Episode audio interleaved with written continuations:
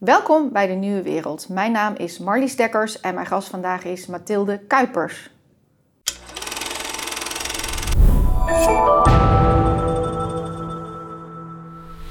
Welkom. Dankjewel. Nou, lang naar uitgekeken. Ja, zeker. nou, je, jij bent arts integrale geneeskunde. Uh, werkend volgens de principes van de klinisch psychoneuroimmunologie. Nou, daar gaan we helemaal vandaag uh, uh, moeilijk, moeilijk woord van wat dat nou allemaal inhoudt. Maar ik denk bij veel mensen die nieuwsgierig zijn naar wat komt er nou na alle pillen. Precies. komt er nou na de, wat ons allemaal voorgeschreven wordt. Precies. en hoe ver staan we daar al in kennis? ik denk dat, dat, dat, dat, dat, dat, dat we daar vandaag een beetje over gaan, uh, mm-hmm. Uh, gaan, we, gaan we verkennen en ontdekken. En al jouw kennis ga jij delen. Maar ik vind ook interessant hoe je bent begonnen. Jij werkt als vruchtbaarheidsarts in verloskamers, gynaecologie afdeling. Je had de kinderwensspreekuur in het ziekenhuis en je werkte IVF-centrum. Maar je had toch het gevoel te weinig te kunnen doen. Ja jarenlang gedaan met ook heel veel passie. En uh, ontzettend uh, gedreven, want het kinderwensspreekuur heb ik op een gegeven moment zelf neer mogen zetten.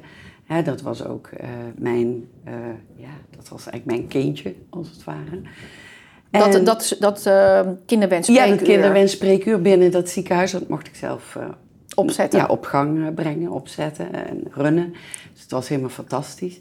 En ik vond het zo fijn dat ik daar mensen echt lekker kon gaan volgen. Dat het niet een eenmalig contact of een kortdurend contact was, maar dat het ook wat intensiever. Dat ik echt die, die begeleidende rol ook had als arts daarin. Dus dat paste me heel erg goed. Um, en toch liep ik vast. Ja, want het wordt steeds meer geprotocoleerd in de reguliere geneeskunde. En uh, ja, alles moet, je moet binnen de lijntjes kleuren. Uh, alles is geënt op medicatie. Het moet binnen dat uh, medicijn kunnen vallen eigenlijk, toch? Precies. Ja. En op een gegeven moment kom je dan tot de conclusie... nou, ja, we hebben die, die trein die gaat rijden als jij de vruchtbaarheid instapt. Hè, want dat zeg ik, zei ik altijd tegen mensen. Ja, let op, je komt hier nu binnen, je stapt een trein die gaat rijden, die stopt niet op, totdat jij zelf aan die noodrem trekt. En het gaat maar door tot het eindigt met het zij een zwangerschap, het zij een, ja, een stel wat uitbehandeld is. En um, dus, maar dat werd steeds strakker en steeds um, ja, minder ruimte gaf dat.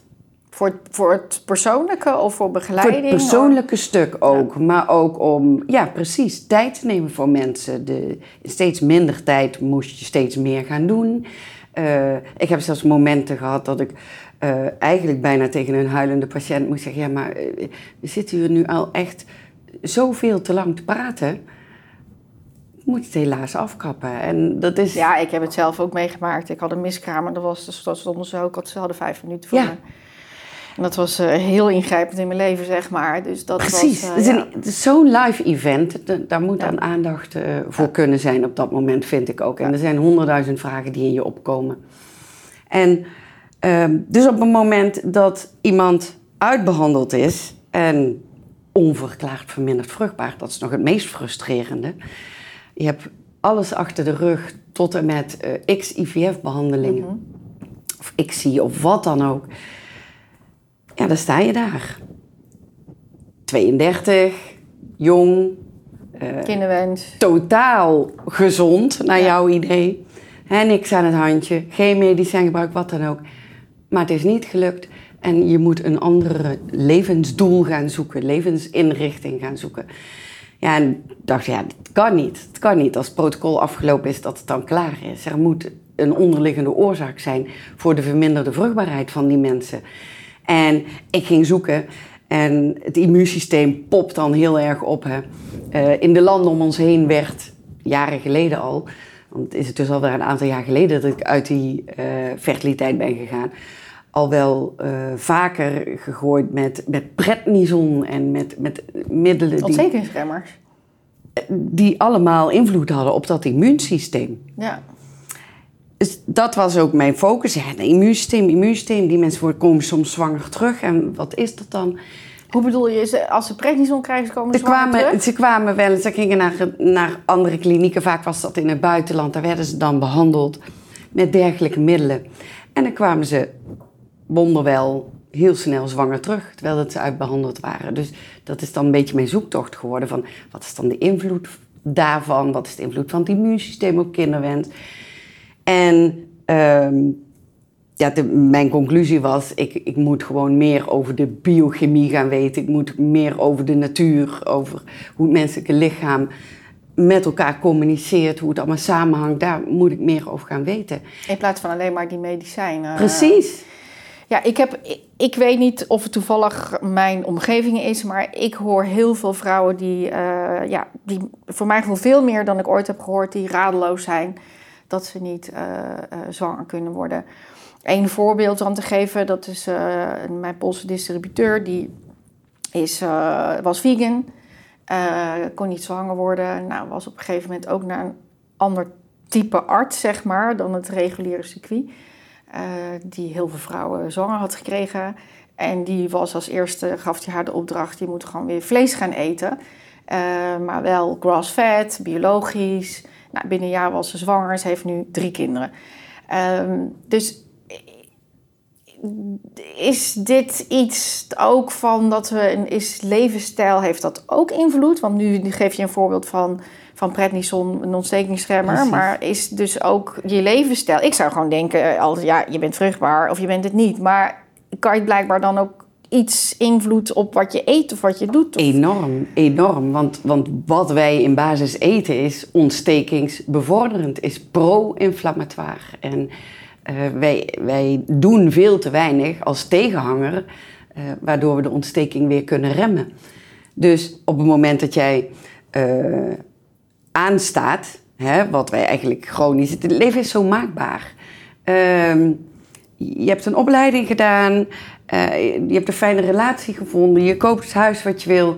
En nou ja, als alles dan in kannen en kruiken is, mooie meubeltjes enzovoort, dan kan er een kindje komen. Dat noem jij maakbaar. Dat is al best een hele opgave hè, om dit te doen. Ja, maar toch, heel veel mensen, en ik vind het opvallend vaak voorkomen dat, dat ehm, binnen die groep mensen, eh, ik, ik doe alles en alles is in orde en ik leef gezond, maar ik word niet zwanger. Ja, ik heb alle groene boxen aangetikt. En waarom, waarom nu niet? Ja, nou, ja, zou waarom, ik ook denken. en waarom lukt het Waarom niet? lukt het dan niet? Precies. Maar er zijn wel heel veel ballen hoog te houden. En onze wereld, de maatschappij waarin we leven, is natuurlijk een, een wereld die ongelooflijk ver van de natuur vandaan is geraakt. Dus we hebben onze omgeving aangepast aan onze behoeften. Maar we weten helemaal niet meer wat onze behoeften zijn. En eh, omgekeerd was het eigenlijk altijd dat wij ons als individu op deze aardbol gingen aanpassen aan de wereld. Aan veranderende omstandigheden. Als het wat kouder werd op de aarde, moesten we ons daaraan aanpassen. Maakt dat wat uit? Je zet de centrale verwarming wat hoger. Als het, eh, Maar is het, zeg je dus eigenlijk, ja, we zijn te ver afkomen te staan bij de oermens? Want onze hersens zijn volgens mij nog steeds hetzelfde als 10.000 jaar geleden of zo. Onze genen. Onze genen Onze zijn nog genen steeds zijn hetzelfde. zelfs hetzelfde. eh, op, nou, in 100.000 jaar ongeveer zal 1% van je genetische materiaal veranderen. En als je weet dat we ongeveer 300.000 jaar... Hè, er zijn wel eh, ideeën, verschillende ideeën over. Maar daar hebben we niet zo heel veel genetisch aangepast. 2%, 3%. En ondertussen, zeg maar, leven wij niet meer volgens Ja, zoals we toen, Totaal toen, anders. leefden. En dat heeft invloed op ons immuunsysteem. Ja, want jij noemde het brein, is eigenlijk nog het oerbrein. Maar eigenlijk is het brein, eh, dat heeft wel een deel oer, oerbrein. Hè, een reptiele brein en een zoogdierbrein en uiteindelijk ook een mensenbrein. Maar dat brein is nog het meest doorontwikkeld. Dat immuunsysteem, Dat, Dat is eigenlijk nog het oer, meest ja, oer. dat is het meest oer uiteindelijk. En dat heeft dus ook invloed op vruchtbaarheid. Ja, want het is... eh, bijna iedereen weet denk ik wel dat hij in zijn cyclus... na de ijsprong met behulp van temperatuur meten... Hè, dat hij binnen zijn cyclus een sprongetje ziet in zijn temperatuur. En dat is dan vanaf de ijsprong. Oh, dan heb ik mijn ijsprong gehad. Zo worden ook wel eens, ehm, nou ja, een soort anticonceptiemethoden toegepast. Hè, mensen die... Ja, ik denk dat ik zonder vreselijk ver vanaf, wat ik nu terug, terugkijkend ook wel een heel andere mening over heb. Maar ja, ik was eh, de, van de tweede feministische golf, de pil, perfect. Ja. We hoeven hier niet meer mee bezig te zijn. Eh, we konden het controleren. Maar nu denk ik echt, wat de hel, hoeveel eh, hormonen heb ik wel niet in Precies. mijn lichaam gestopt. En die cyclus, die dus eigenlijk ja, zo bijzonder is, heb ik enorm verstoord. Ja. ja, en je hebt je lichaam belast. Belast met eh, een medicament, een nephormoon, wat voortdurend een blokkade is geweest op eigenlijk het natuurlijke mechanisme van hè, ik, ik wil een ijsprong en dan eh, moet ik weer gaan eh, afbouwen als ik niet zwanger word. Maar het doel is zwangerschap. Ja, Het de, doel die is temperatuur verhogen of verlagen. Ik heb het niet eens ooit denk meegemaakt. Nee. Omdat je vanaf gewoon jong nam je de pil Precies. en klaar is Kees. En ik denk dat heel veel vrouwen dit doen. Wellicht. Het geeft ons ook vrijheid. Hè? Het Absoluut. heeft ons ook veel gegeven. Maar, Maar, mijn praktijk zit vol met vrouwen die allemaal problemen hebben met die pil. Of met de menstruele cyclus. Of later nog met de menopauzeklachten. Nou ja, wat ik, wat ik me ook wel door dan anders over na te denken... door, eh, nou ja, door mensen zoals jij en, en die stroming, zeg maar... Ja. Ehm, Oké, ik heb het gedaan, maar de volgende generatie eh, heeft dus een moeder gehad die ja, eigenlijk heel sterk heeft ingegrepen op haar hormoonhuishouding. Dus de, hoeveel invloed heeft dat dan weer? Ja, ik denk en dat we dat niet weten. dat weten we niet eens daar voldoende. niet Dat heel, weten we voel niet me daar eens niet heel voldoende. relaxed over. Nee, je hebt natuurlijk wel eh, dat jarenlang gedaan. En je lever moet het goed kunnen ontgiften. Dus als je goed in staat bent geweest om te ontgiften... Nou, dan heb je wellicht die pil ook best wel redelijk... Ja, dat lichaam weer uitgebonjourd. Heel veel vinden een fles wijn ook per dag nog lekker. Dan heeft die lever het natuurlijk heel Die zwaar. heeft het heel, ja, maar dan niet alleen. Die lever die heeft het zwaar met, met eh, alle stressfactoren oplossen. Want die lever die krijgt continu de opdracht van het lichaam op welke wijze hij bepaalde hormonen. eh, neem bijvoorbeeld de schildklier. Eh maken we even een sprongetje. Maar ook dat is iets wat we heel vaak zien eh, tijdens vruchtbaarheid, bij vruchtbaarheidsproblemen. Dat de schildklier niet lekker meewerkt. Ehm, maar neem nou die schildklier, eh, die, die heeft zo duidelijk een, een ehm, energiegevend eh, molecuul, T3, en een energieremmend molecuul, reverse T3. Dat zijn twee tegenhangers voor elkaar die als elkaar spiegelbeeld zijn. En op het moment dat jouw stresssysteem aanstaat, dan ga je de rem op je systemen zetten. Dat doe je dan door middel van het aanmaken van dat ene eh, molecuul reverse, het remmetje. Is het balans? Is er evenwicht? Is er rust in het systeem? Mag jij genoeg energie produceren? Dan zal het lichaam ook zeggen: Je mag zwanger worden nu. Want er is genoeg voorraad, er is genoeg energie.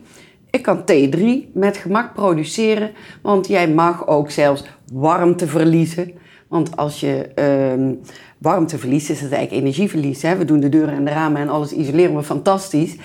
Om in ieder geval niet te veel warmteverlies te hebben. Eh, nou, dat doet het lichaam ook. Maar als het mag, is het geen probleem. En de schildklier reguleert En die schildklier die reguleert dat. Dus die heeft een aan- en een uitknop. En zo heeft elk hormoon een aan- en een uit. eh, ja, elk systeem, enzym, alles heeft aan- en uitknopjes. En die lever, want daar kwamen we vandaan, die krijgt opdrachten. Welke produceer ik? Wat doe ik? Hoe doe ik het? Eh, welke energiebron mag ik maken? Als er heel veel stress is, is glucose de hoofdenergiebron. De snelste vorm van energie. Krijgt de lever de opdracht om eh, daarop te ageren. Glucogeen, eh, gluco, g- hè, glycogeenvoorraden vrij te maken. ehm, glucose te produceren. Allemaal in het belang van overleven. Allemaal in het belang van snelle energiebronnen. Voor het immuunsysteem onder andere. Maar ook het brein wil glucose. Die twee systemen zijn continu met elkaar in gevecht. Als er balans is, is het prima. Want dan kan overdag het brein aan de energie trekken. En dan zal het s'nachts het immuunsysteem aan de energie trekken. Maar er is heel vaak geen balans. En dan is er een, een, een ja, voortdurend conflict tussen twee, wat wij dan noemen egoïstische systemen, die allebei glucose als brandstof willen. Die allebei dominant willen zijn. De hersenen die de boodschappen willen uitzetten en zeggen je moet het zo, je moet het zo doen. Maar het immuunsysteem die zegt nee, ik heb een probleem op te lossen. Het moet anders. En ja, dat is mega vermoeiend. Dus dat is uitputtend. In zo'n situatie zul je niet makkelijk zwanger worden. Want dan is het immuunsysteem dus dominant. Het immuunsysteem geactiveerd. Door wat dan ook. Misschien uh, te veel deadlines. Het kan van alles zijn natuurlijk. En op dat moment is er geen toestemming tot zwangerschap. Maar dat is, ik vind dat best wel vaag. Van het lichaam moet toestemming geven. Je bent toch gewoon vruchtbaar of niet? Ja, nou ja, dat denk dus je. Niet. Was dat maar zo? Was het maar zo simpel? Maar alle systemen communiceren met elkaar. Dat is precies de KPNI. De KPNI is, is die, die ehm, richting, die stroming. Hè? Je hebt dat genoemd psycho, neuro, immunologie. Met klinische voor, dat betekent dat we toepassen in de kliniek, in de praktijk. Ehm, die stroming die verbindt al die losse elementen, die losse systemen met elkaar. En uh, eigenlijk kun je het zien als een, een gelaagdheid. Uh, de lever, de darm, het immuunsysteem, zelfs bruin vet is een orgaan. hersenen, het zijn allemaal die lagen en die worden echt gewoon ook verticaal allemaal met elkaar verbonden. Dus als er ergens in één systeem ja, een probleem zich voordoet, een tekort is, wellicht een tekort veganist, veganisme hoor ik zeggen, ja, zou het zomaar kunnen zijn dat dat een uh, belangrijk tekort is in bepaalde vitamine of mineralen. Die zijn essentieel voor vrijwel al onze enzymomzettingen. En dan kan het niet plaatsvinden. Dus, en, maar dat heeft dan niet alleen op dat ene niveau effect. Nee, dat, dat beïnvloedt alle niveaus. Dus ook uh, de balans uh, om voldoende zwanger te kunnen, of voldoende hormonen te kunnen maken zodat jij een ijsprong krijgt, zodat jij niet een immuunsysteem hebt wat die spermatozoon afstoot. Want als je immuunsysteem iets te actief is, dan denk je, ja, maar... Die komt niet binnen. Die, die hoort niet bij mij. Dat is, dat is DNA van een ander, dat is lichaamsvreemd, die hoort niet bij mij. En, en dat gebeurt ja, tegenwoordig dus heel regelmatig. Ja, je maakt het in je omgeving ook heel erg mee. Uh, je noemde, vond ik ook wel een mooie, haak ik even op in... Uh, ze moest vlees gaan eten, maar wij uit de bio-industrie wat gerend, gevlogen en, enzovoort uh, gedaan had. Ik, ik, ga daar een stapje verder in, want ik geef eigenlijk de boodschap: eet vooral gevogelte en vis. Uh, blijf toch wel een beetje weg van die andere zoogdieren. Want wij zijn zelf een zoogdier. Wij staan heel dicht. Nou, we hebben het gevoel niet meer dat we dicht bij zoogdieren staan. Maar we staan toch nog wel redelijk dicht gezien uh, onze genen en onze enzymen en alle moleculen die wij maken, eiwitjes enzovoort, bij zoogdieren. Alleen we hebben hier en daar in de evolutie wat dingetjes veranderd. En een van die dingen is dat wij uh, een ander signaalmolecuul aan onze cellen hebben hangen, of niet meer hebben hangen, wat andere zoogdieren wel hebben. En op het moment dat wij zoogdier eten en vervolgens achteroverleunen, dus acht uur per dag op een stoel gaan zitten, Niet meer hard werken buiten, moeten rennen, ons eten moeten zoeken en wat dan ook. Dan is dat suikermolecuul, dat signaalmolecuul, wat dan aan dat zoogdier hangt, dat wordt in ons lichaam opgenomen. Maar het immuunsysteem is slim. Die zegt, ja, maar jij hoort hier niet. Dit is een niet-mens eigen cel, dus die gaat afweren. Het kan zomaar zijn dat een spermatozoon ja, bevolkt is heel veel zoogdiervlees eet, niet heel veel beweegt, geen bouwvakker op de bouw of een boer op het land of wat dan ook, maar op zijn kantoor. En lekker... Gewoon van de barbecue houdt. Heel veel biefstukjes, zeker in deze tijd, fantastisch. En een biertje erbij. Precies, maar dus eigenlijk een, een spermatozoon maakt die door het vrouwelijke lichaam min of meer wordt afgestoten. Als het niet menselijk meer herkend wordt. Dat, dat kan, dat lijkt te gebeuren. En datzelfde molecuul uh, is ook en lijkt ook verantwoordelijk te zijn voor andere auto-immuunaandoeningen, zoals wij het dan ook noemen. Nou, zo zijn er nog veel meer uh, van die elementen in ons leven die kunnen leiden tot een auto-immuunaandoening. En het zijn geen foutjes van het immuunsysteem, want het immuunsysteem is 300.000 jaar oud, nog veel ouder. Maar dat zijn dus hele slimmigheden van het immuunsysteem. Alleen door onze leefstijl hebben, kunnen wij vijanden, uh, komen er heel veel vijanden binnen, laat ik het zo zeggen, die wij ergens ver, ver weg denken te zetten. Maar het immuunsysteem vindt ze onherroepelijk. Jij noemt net, uh, dus jij bent uitgekomen vanuit uh, reguliere arts. Uh, dan in de vruchtbaarheidsarts ben je uitgekomen dus op dat KPNI. Wat is dan KPNI? Dat is die, die, die stroming die al die lagen met elkaar verbindt. Maar allemaal, allemaal op wetenschap gebaseerd. Dus, dus of jij nou vanuit de hersenen gaat denken of vanuit uh, de, de uh, cellichaampjes gaat denken, de, de, de biochemie. Is het dan een holistisch mensbeeld? Ja, zo kun je het noemen. Zo kun je het noemen. Nou, je, functioneel, functioneel uh, balans proberen te brengen. Al die, uh, die lagen weer op een goede manier met elkaar laten communiceren. En allemaal gebaseerd op wetenschap. Nou, ik vind het namelijk fascinerend als je door een ziekenhuis loopt. Dan zie je dus ogen. We hebben het lichaam zeg maar echt zo. Ja. Neus, keel. We hebben het lichaam helemaal in stukken gehakt. En dan KPNI doet dat zeg maar niet. Waar staat KPNI voor? Dat is...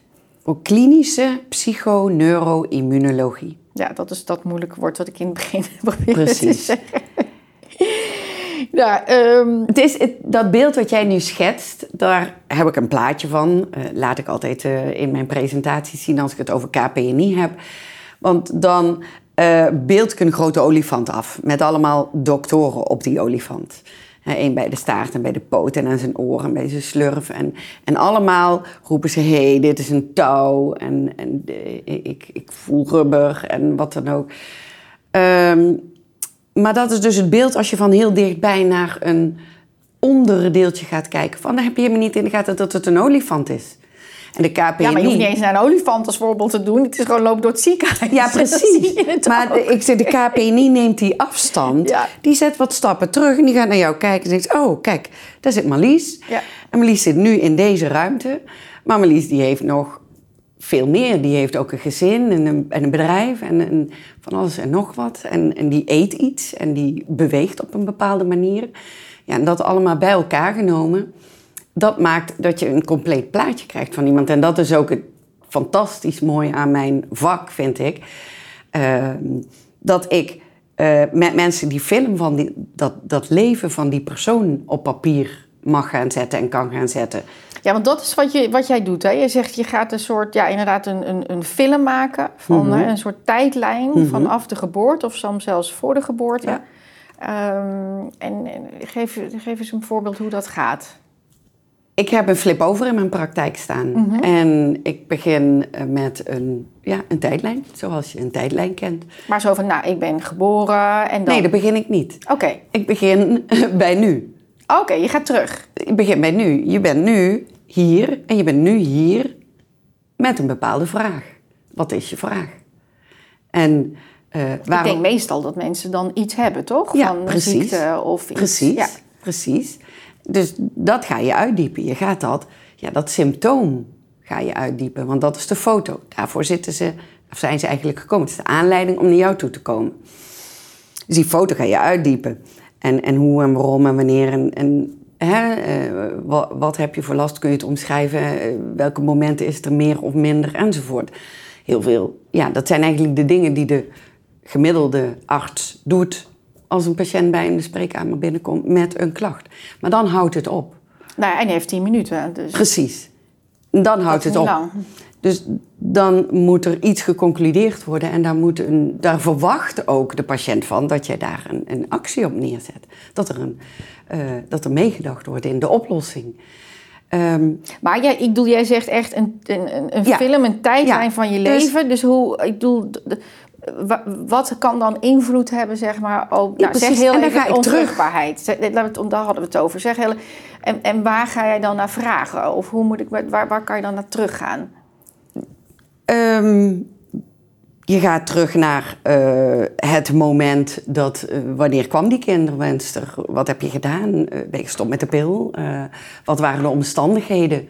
Ehm, je gaat vragen, hoe ziet je cyclus eruit? Hoe ziet hij er nu uit? Hoe zag hij er in het verleden uit? Als hij ergens een keer veranderd is, welk moment was dat dan? Kun je allemaal gaan noteren. Welk moment in het leven? Wat was er nog meer dan? Je vraagt sowieso naar andere systemen ook. Hoe ging het verder met je? Uh, naar de omstandigheden in, in werk, in, in relaties, in het gezin waarin je grootgebracht werd. En had je moeder het ook, of tantes, of je oma. En zijn er ook mannen met problemen, bijvoorbeeld prostaatproblemen. En het is natuurlijk niet altijd alleen... Nee, uh, bij, de, bij, de, vrouw. Een vrouwending, nee. uh, hormonen. Dus dat zijn allemaal dingen, als je het specifiek, als je gaat over vruchtbaarheid, dan ga je dat soort stukjes en elementjes al uitvragen. Maar dat komt vanzelf op hele andere belangrijke aspecten in het leven, uh, zodat je soms tot de conclusie komt dat iemand een keelontsteking had en na die keelontsteking uh, een antibioticum heeft gehad en na dat antibioticum de cyclus ontregeld was. En nou ja, zo kun je ja. vanzelf wel stappen zetten. Alleen we beginnen bij de klachten, we beginnen bij het nu. En we gaan steeds verder terug om te kijken, maar wat was daarvoor? En wat was daarvoor? En kan dat dan ook nog meespelen in het geheel? Um, en dat, dat doe je dan om inzicht te krijgen van wat is de oorsprong van het probleem. Precies. Wat je dan op dat moment hebt. Ja, en die oorsprong die kan binnen dat leven liggen. Dat kan iets van heel kort geleden, maar ook van heel lang geleden. Het kan ook vanuit een eerdere generatie zijn. Ja, dat is epigenetica. Epigenetica, ja, absoluut. Dus dat is uh, de uitingsvorm van je genen. Hè? Ja. ja. Misschien toch even kort uitleggen wat epigenetica is voor de mensen die dat niet... Uh... Ja, genen noem ik altijd de hardware ja. van het lichaam. En epigenen de software. Dus die zijn uh, veranderlijk, ook nog gedurende het leven. Epigenen geven de uh, de uiting aan een één eigen tweeling, vind ik altijd het beste voorbeeld. Die totaal in een andere omgeving opgroeien. Die kunnen er totaal anders uitzien. En dat komt door die, die epigenen onder andere. Ja, dus welke genen komen tot expressie? Dat heeft te maken met de leefstijl, de omstandigheden waarin je leeft. En dat is mooi, want dat betekent dat er heel veel veranderbaar is. Dus dat mensen zeggen van ja, maar het is dus oplosbaar. Ja, dat kan. Je moet er wel hard voor werken. Maar het is dikwijls oplosbaar. Ja, eerst uh, zeg maar voordat we epigenetica door hadden, toen dachten we juist van ja, het is je DNA. Dat is allemaal genen. Eh, genen en, en je kan er verder niks aan doen en daar ben je mee geboren. En eigenlijk nu weten we nou, je kan op heel veel dingen ja. heel veel invloed hebben. Zelfs ook als in je genen ligt van dat je ja, een, een of andere ziekte kan krijgen, dan kan je toch nog behoorlijk bijsturen. Precies, precies. Door, als je dat weet, uh, andere keuzes te maken. Ja. ja. Dus zorgen dat die ontsteking niet zo aangaat, eigenlijk als het ware. Want dat is heel vaak het grote probleem. Ja, is de kern, is, is, is, je noemt heel vaak je immuunsysteem. Ja. Uh, we hebben dat natuurlijk heel veel gehoord nu in het kader van corona. Maar het immuunsysteem, uh, en die reageert op ontstekingen. Vooral. Sterker nog, je immuunsysteem maakt de ontsteking. Je immuunsysteem reageert op datgene wat binnenkomt.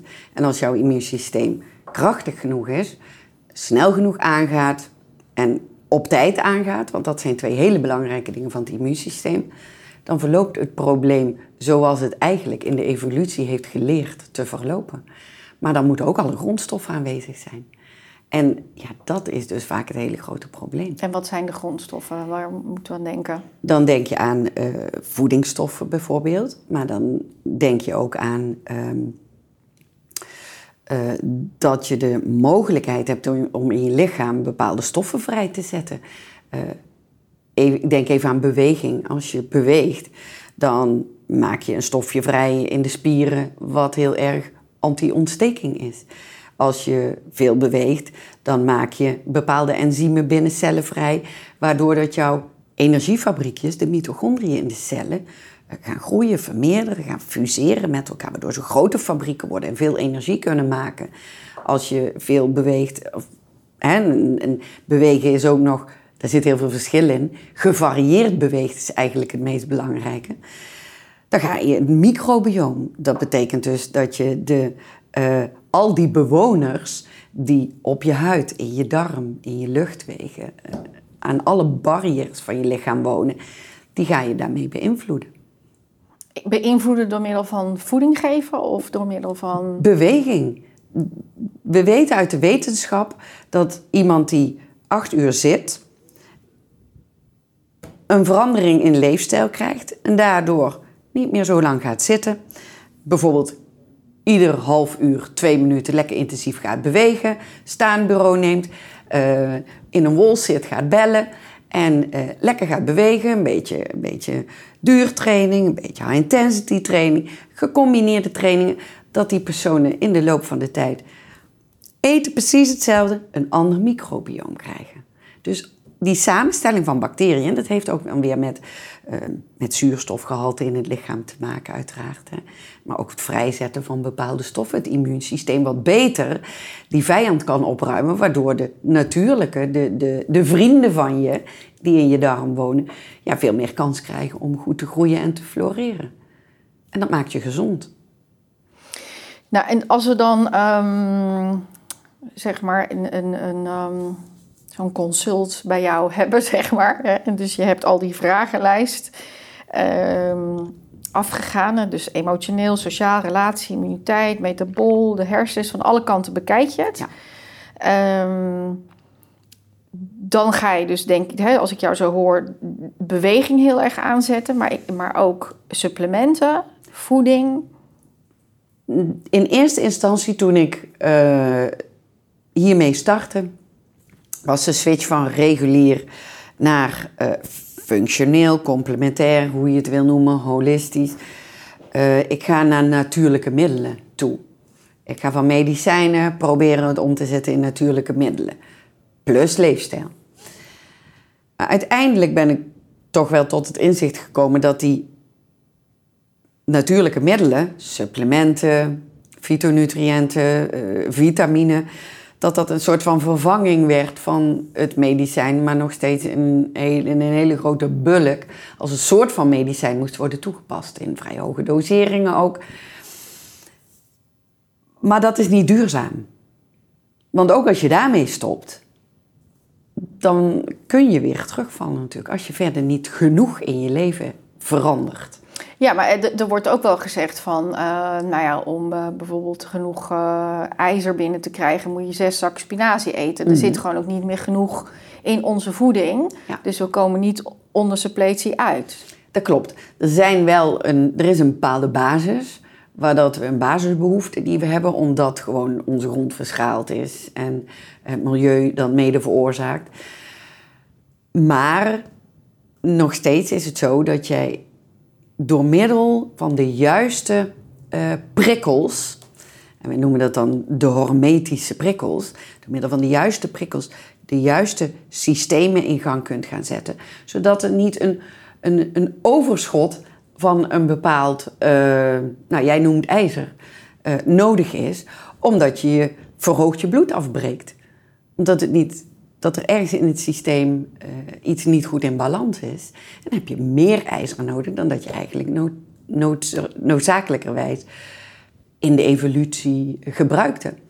Dus jij wil, echt, jij wil echt terug dat het lichaam het zelf weer gewoon kan fixen. Ja, precies. Dat dus, hij zelf in staat is, ja, dat lijkt mij ook geweldig. De, onze huidige uh, maatschappij maakt dat wij veel te veel stressprikkels hebben.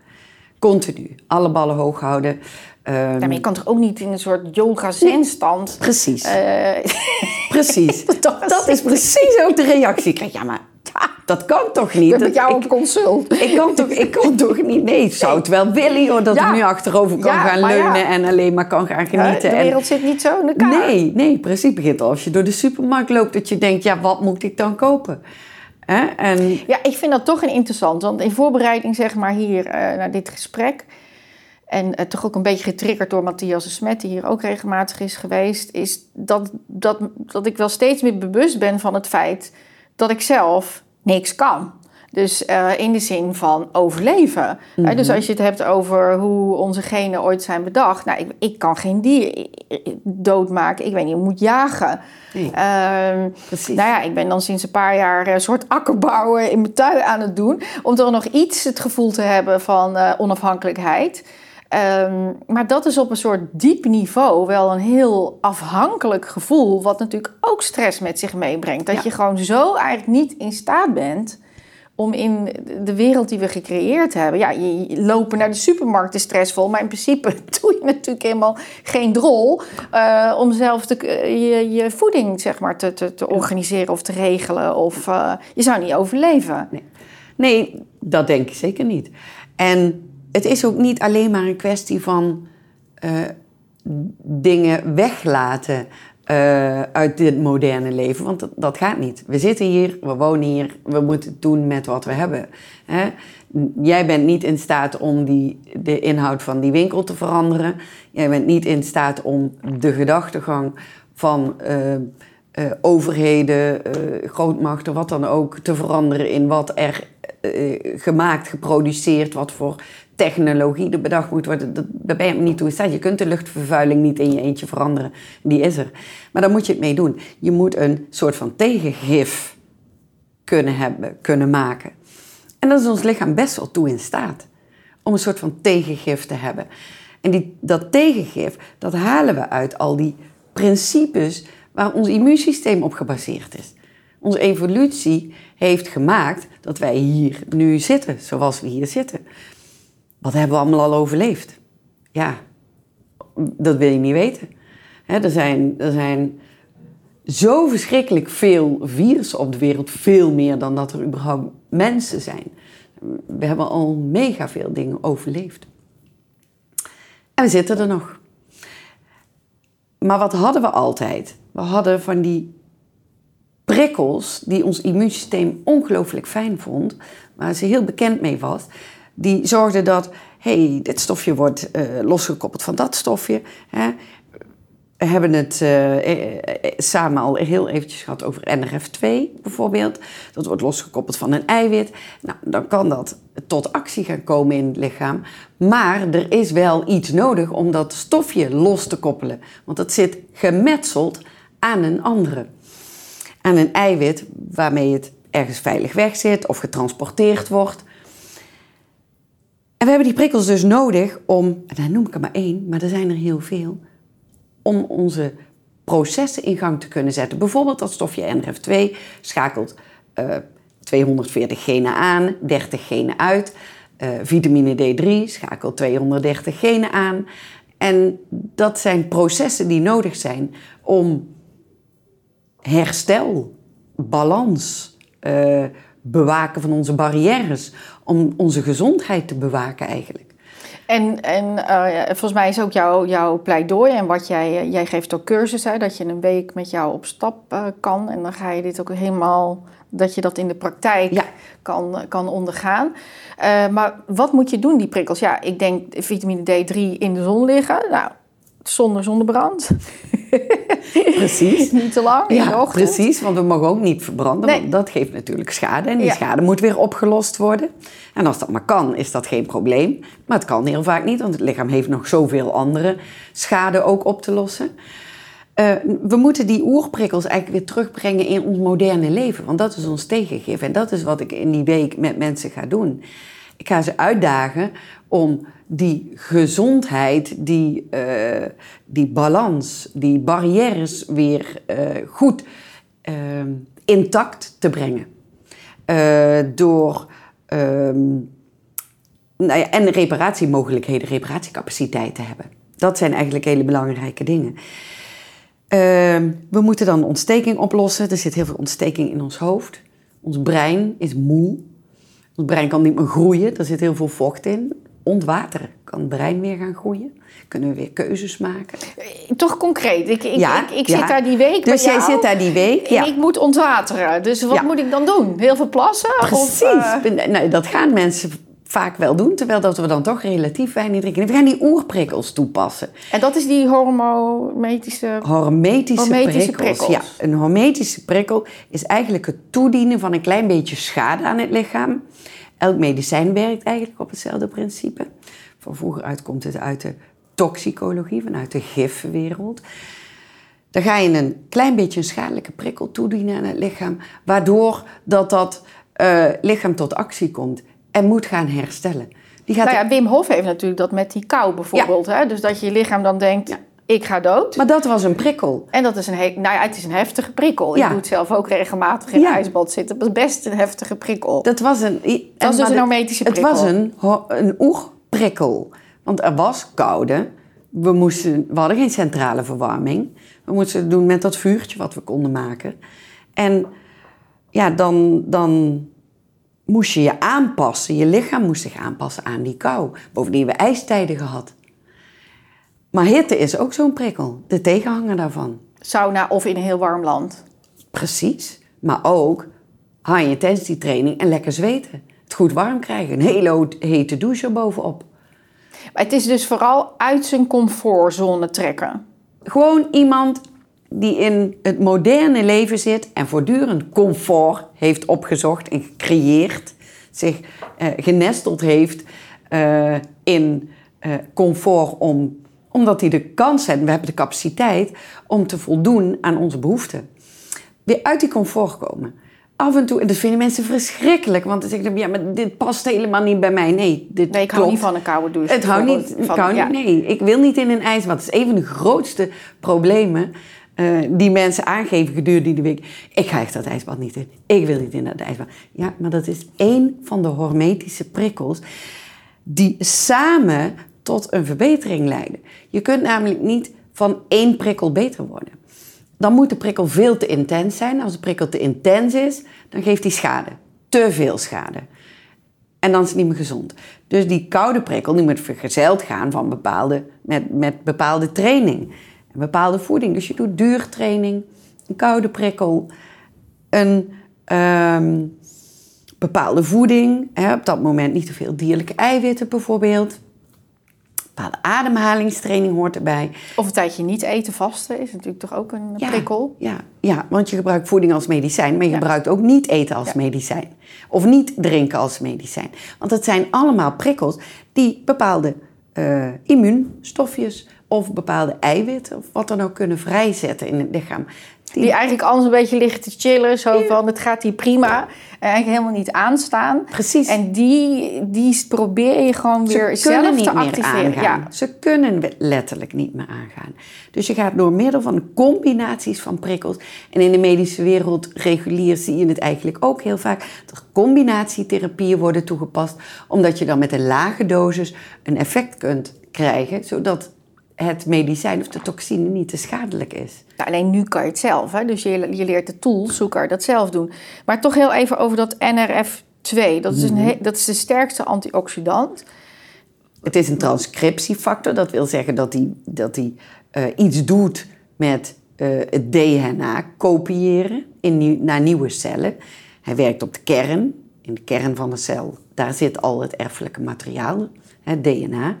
En alle ehm, stoffen in het lichaam die op de kern van de cel werken, doen iets met het DNA. Die kunnen DNA-verandering geven. Veel mensen weten niet dat ook je schildklierhormoon op de celkern werkt en ook juist oestrogeen op de celkern werken. Dus dat die daarom zo verschrikkelijk belangrijk zijn. Maar dit dus ook, werkt de kern van de cel, is dus in staat om ehm, nieuwe kopieën te maken, nieuwe DNA te vormen. Ehm, Maar dat is normaal ook, want je, je lichaam doet niet anders een soort kopieermachine. Je bent ja, maar hij heeft de juiste boodschap, want hij maakt een anti-ontstekings... eh, Hij, hij maakt het op een goede, gezonde manier. Precies, hij dus maakt- niet dat het bijvoorbeeld op een ongezonde manier wat kanker is. Hij maakt, hij maakt het op een gezonde manier. eh, zorgt hij voor een eh, celdeling met nieuwe informatie en gezonde informatie. Maar hij werkt ook anti-ontsteking. Hè, en hij werkt ook pro-groei. In gunstige mate groei. Je kunt ook ongunstige groei hebben. Je noemde het net al. Ehm, hij werkt op belangrijk. Groei van mitochondriën, dat zijn onze energie, energiefabriekjes. Ik, ik had het in het begin even al over onze twee egoïstische systemen die wedijveren om de energie, brein en het immuunsysteem. Die energie is zo belangrijk. En als wij maar genoeg mitochondriën aanmaken. Maar dat gaat wel lekker met ons. Ja, dan, dan zijn we in staat om fantastisch goed energie te produceren. Maar niet alleen uit, uit snelle koolhydraten, ook lekker uit onze vetzuren en ketonen. En daar worden gewoon eigenlijk alle vitale organen heel blij van. Dus op dat moment kun jij ehm, in ontsteking zijn, bij wijze van spreken.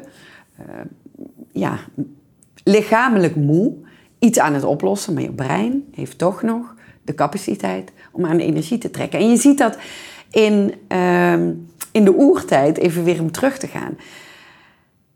Er was altijd uh, mogelijkheid om eten te zoeken. Wilde dieren, zoogdieren hebben dat ook. Maar wij gaan naar de koelkast op het moment dat ons brein zegt: ik krijg een beetje een dip. Uh, ik word een beetje trillerig. Ik loop naar de koelkast en ik ga daar iets uithalen wat dan over het algemeen snel energie geeft, dus koolhydraten is. Maar zo werkt het van origine niet. Onze energie zit opgeslagen in de spieren. We moeten gaan rennen, graven, klimmen, alert zijn, goed kunnen luisteren, scherp zicht hebben, goed kunnen ruiken om onze voeding te kunnen vinden op momenten dat we honger hebben, want anders gaan we dood. Dus ik, heb, ik kan er ook zo'n zin in krijgen om weer terug naar die versie van jezelf te gaan. Ik ga helemaal lekker op dit verhaal. Het is heel fijn. Dat is ook het vertrouwen wat jij weer krijgt in jouw lichaam. Ja, maar dus dat is precies wat ik, wat ik beschreef. Dat, dat, dat je ook wel in deze artificiële wereld ook zo het vertrouwen kwijt raakt. Van ja, ik kan alleen nog maar naar de winkel en verder kan ik eigenlijk niks precies. om mezelf te redden. Maar dat is wat jij met die week geef jij mensen echt tools om dat wel te doen. En omdat er, je kunt altijd mee. Dus of je nou preventief mee wil, je wil gezond blijven, je wil hier meer van weten, je wil um, dit een beetje in je leven gaan integreren, omdat je wel snapt in de huidige tijd dat er iets meer moet gebeuren dan wat er tot nu toe uh, eigenlijk norm was. Uh, maar ik heb natuurlijk ook heel veel mensen vanuit mijn praktijk die wel degelijk uh, een ziekte hebben, of in ieder geval symptomen en klachten. En allemaal heeft het hetzelfde bij iedereen, eigenlijk hetzelfde effect. Dus uh, of jij nou jong of oud of man of vrouw bent, of ziek of gezond bent, je hebt allemaal een verbetering. Je ervaart allemaal helderheid in je hoofd, mogelijkheid om keuzes te maken, ontwateren, dus ontsteking oplossen. En wordt veel krachtiger in jezelf. Nou, als mensen geïnteresseerd zijn, dan kunnen ze kijken op Oerkracht. Hè? Dat is jouw... Oeractief. Oeractief. Oeractief. En misschien toch nog uh, de, de, grondleggers van, van dit principe, uh, als mensen geïnteresseerd zijn om nog wat in te lezen. Leo Pruimboom, Ratan Zurich en Calabrese. Calabrese, ja. Ja, dus dat is als mensen zich nog wel verder, verder willen verdiepen. Nou ja, ik hang aan je lippen. ik ga zeker een beetje meedoen. Ik ga de oervrouw in mezelf weer, uh, weer zoeken. En ontzettend bedankt. Heel graag gedaan. Jij ook, dankjewel.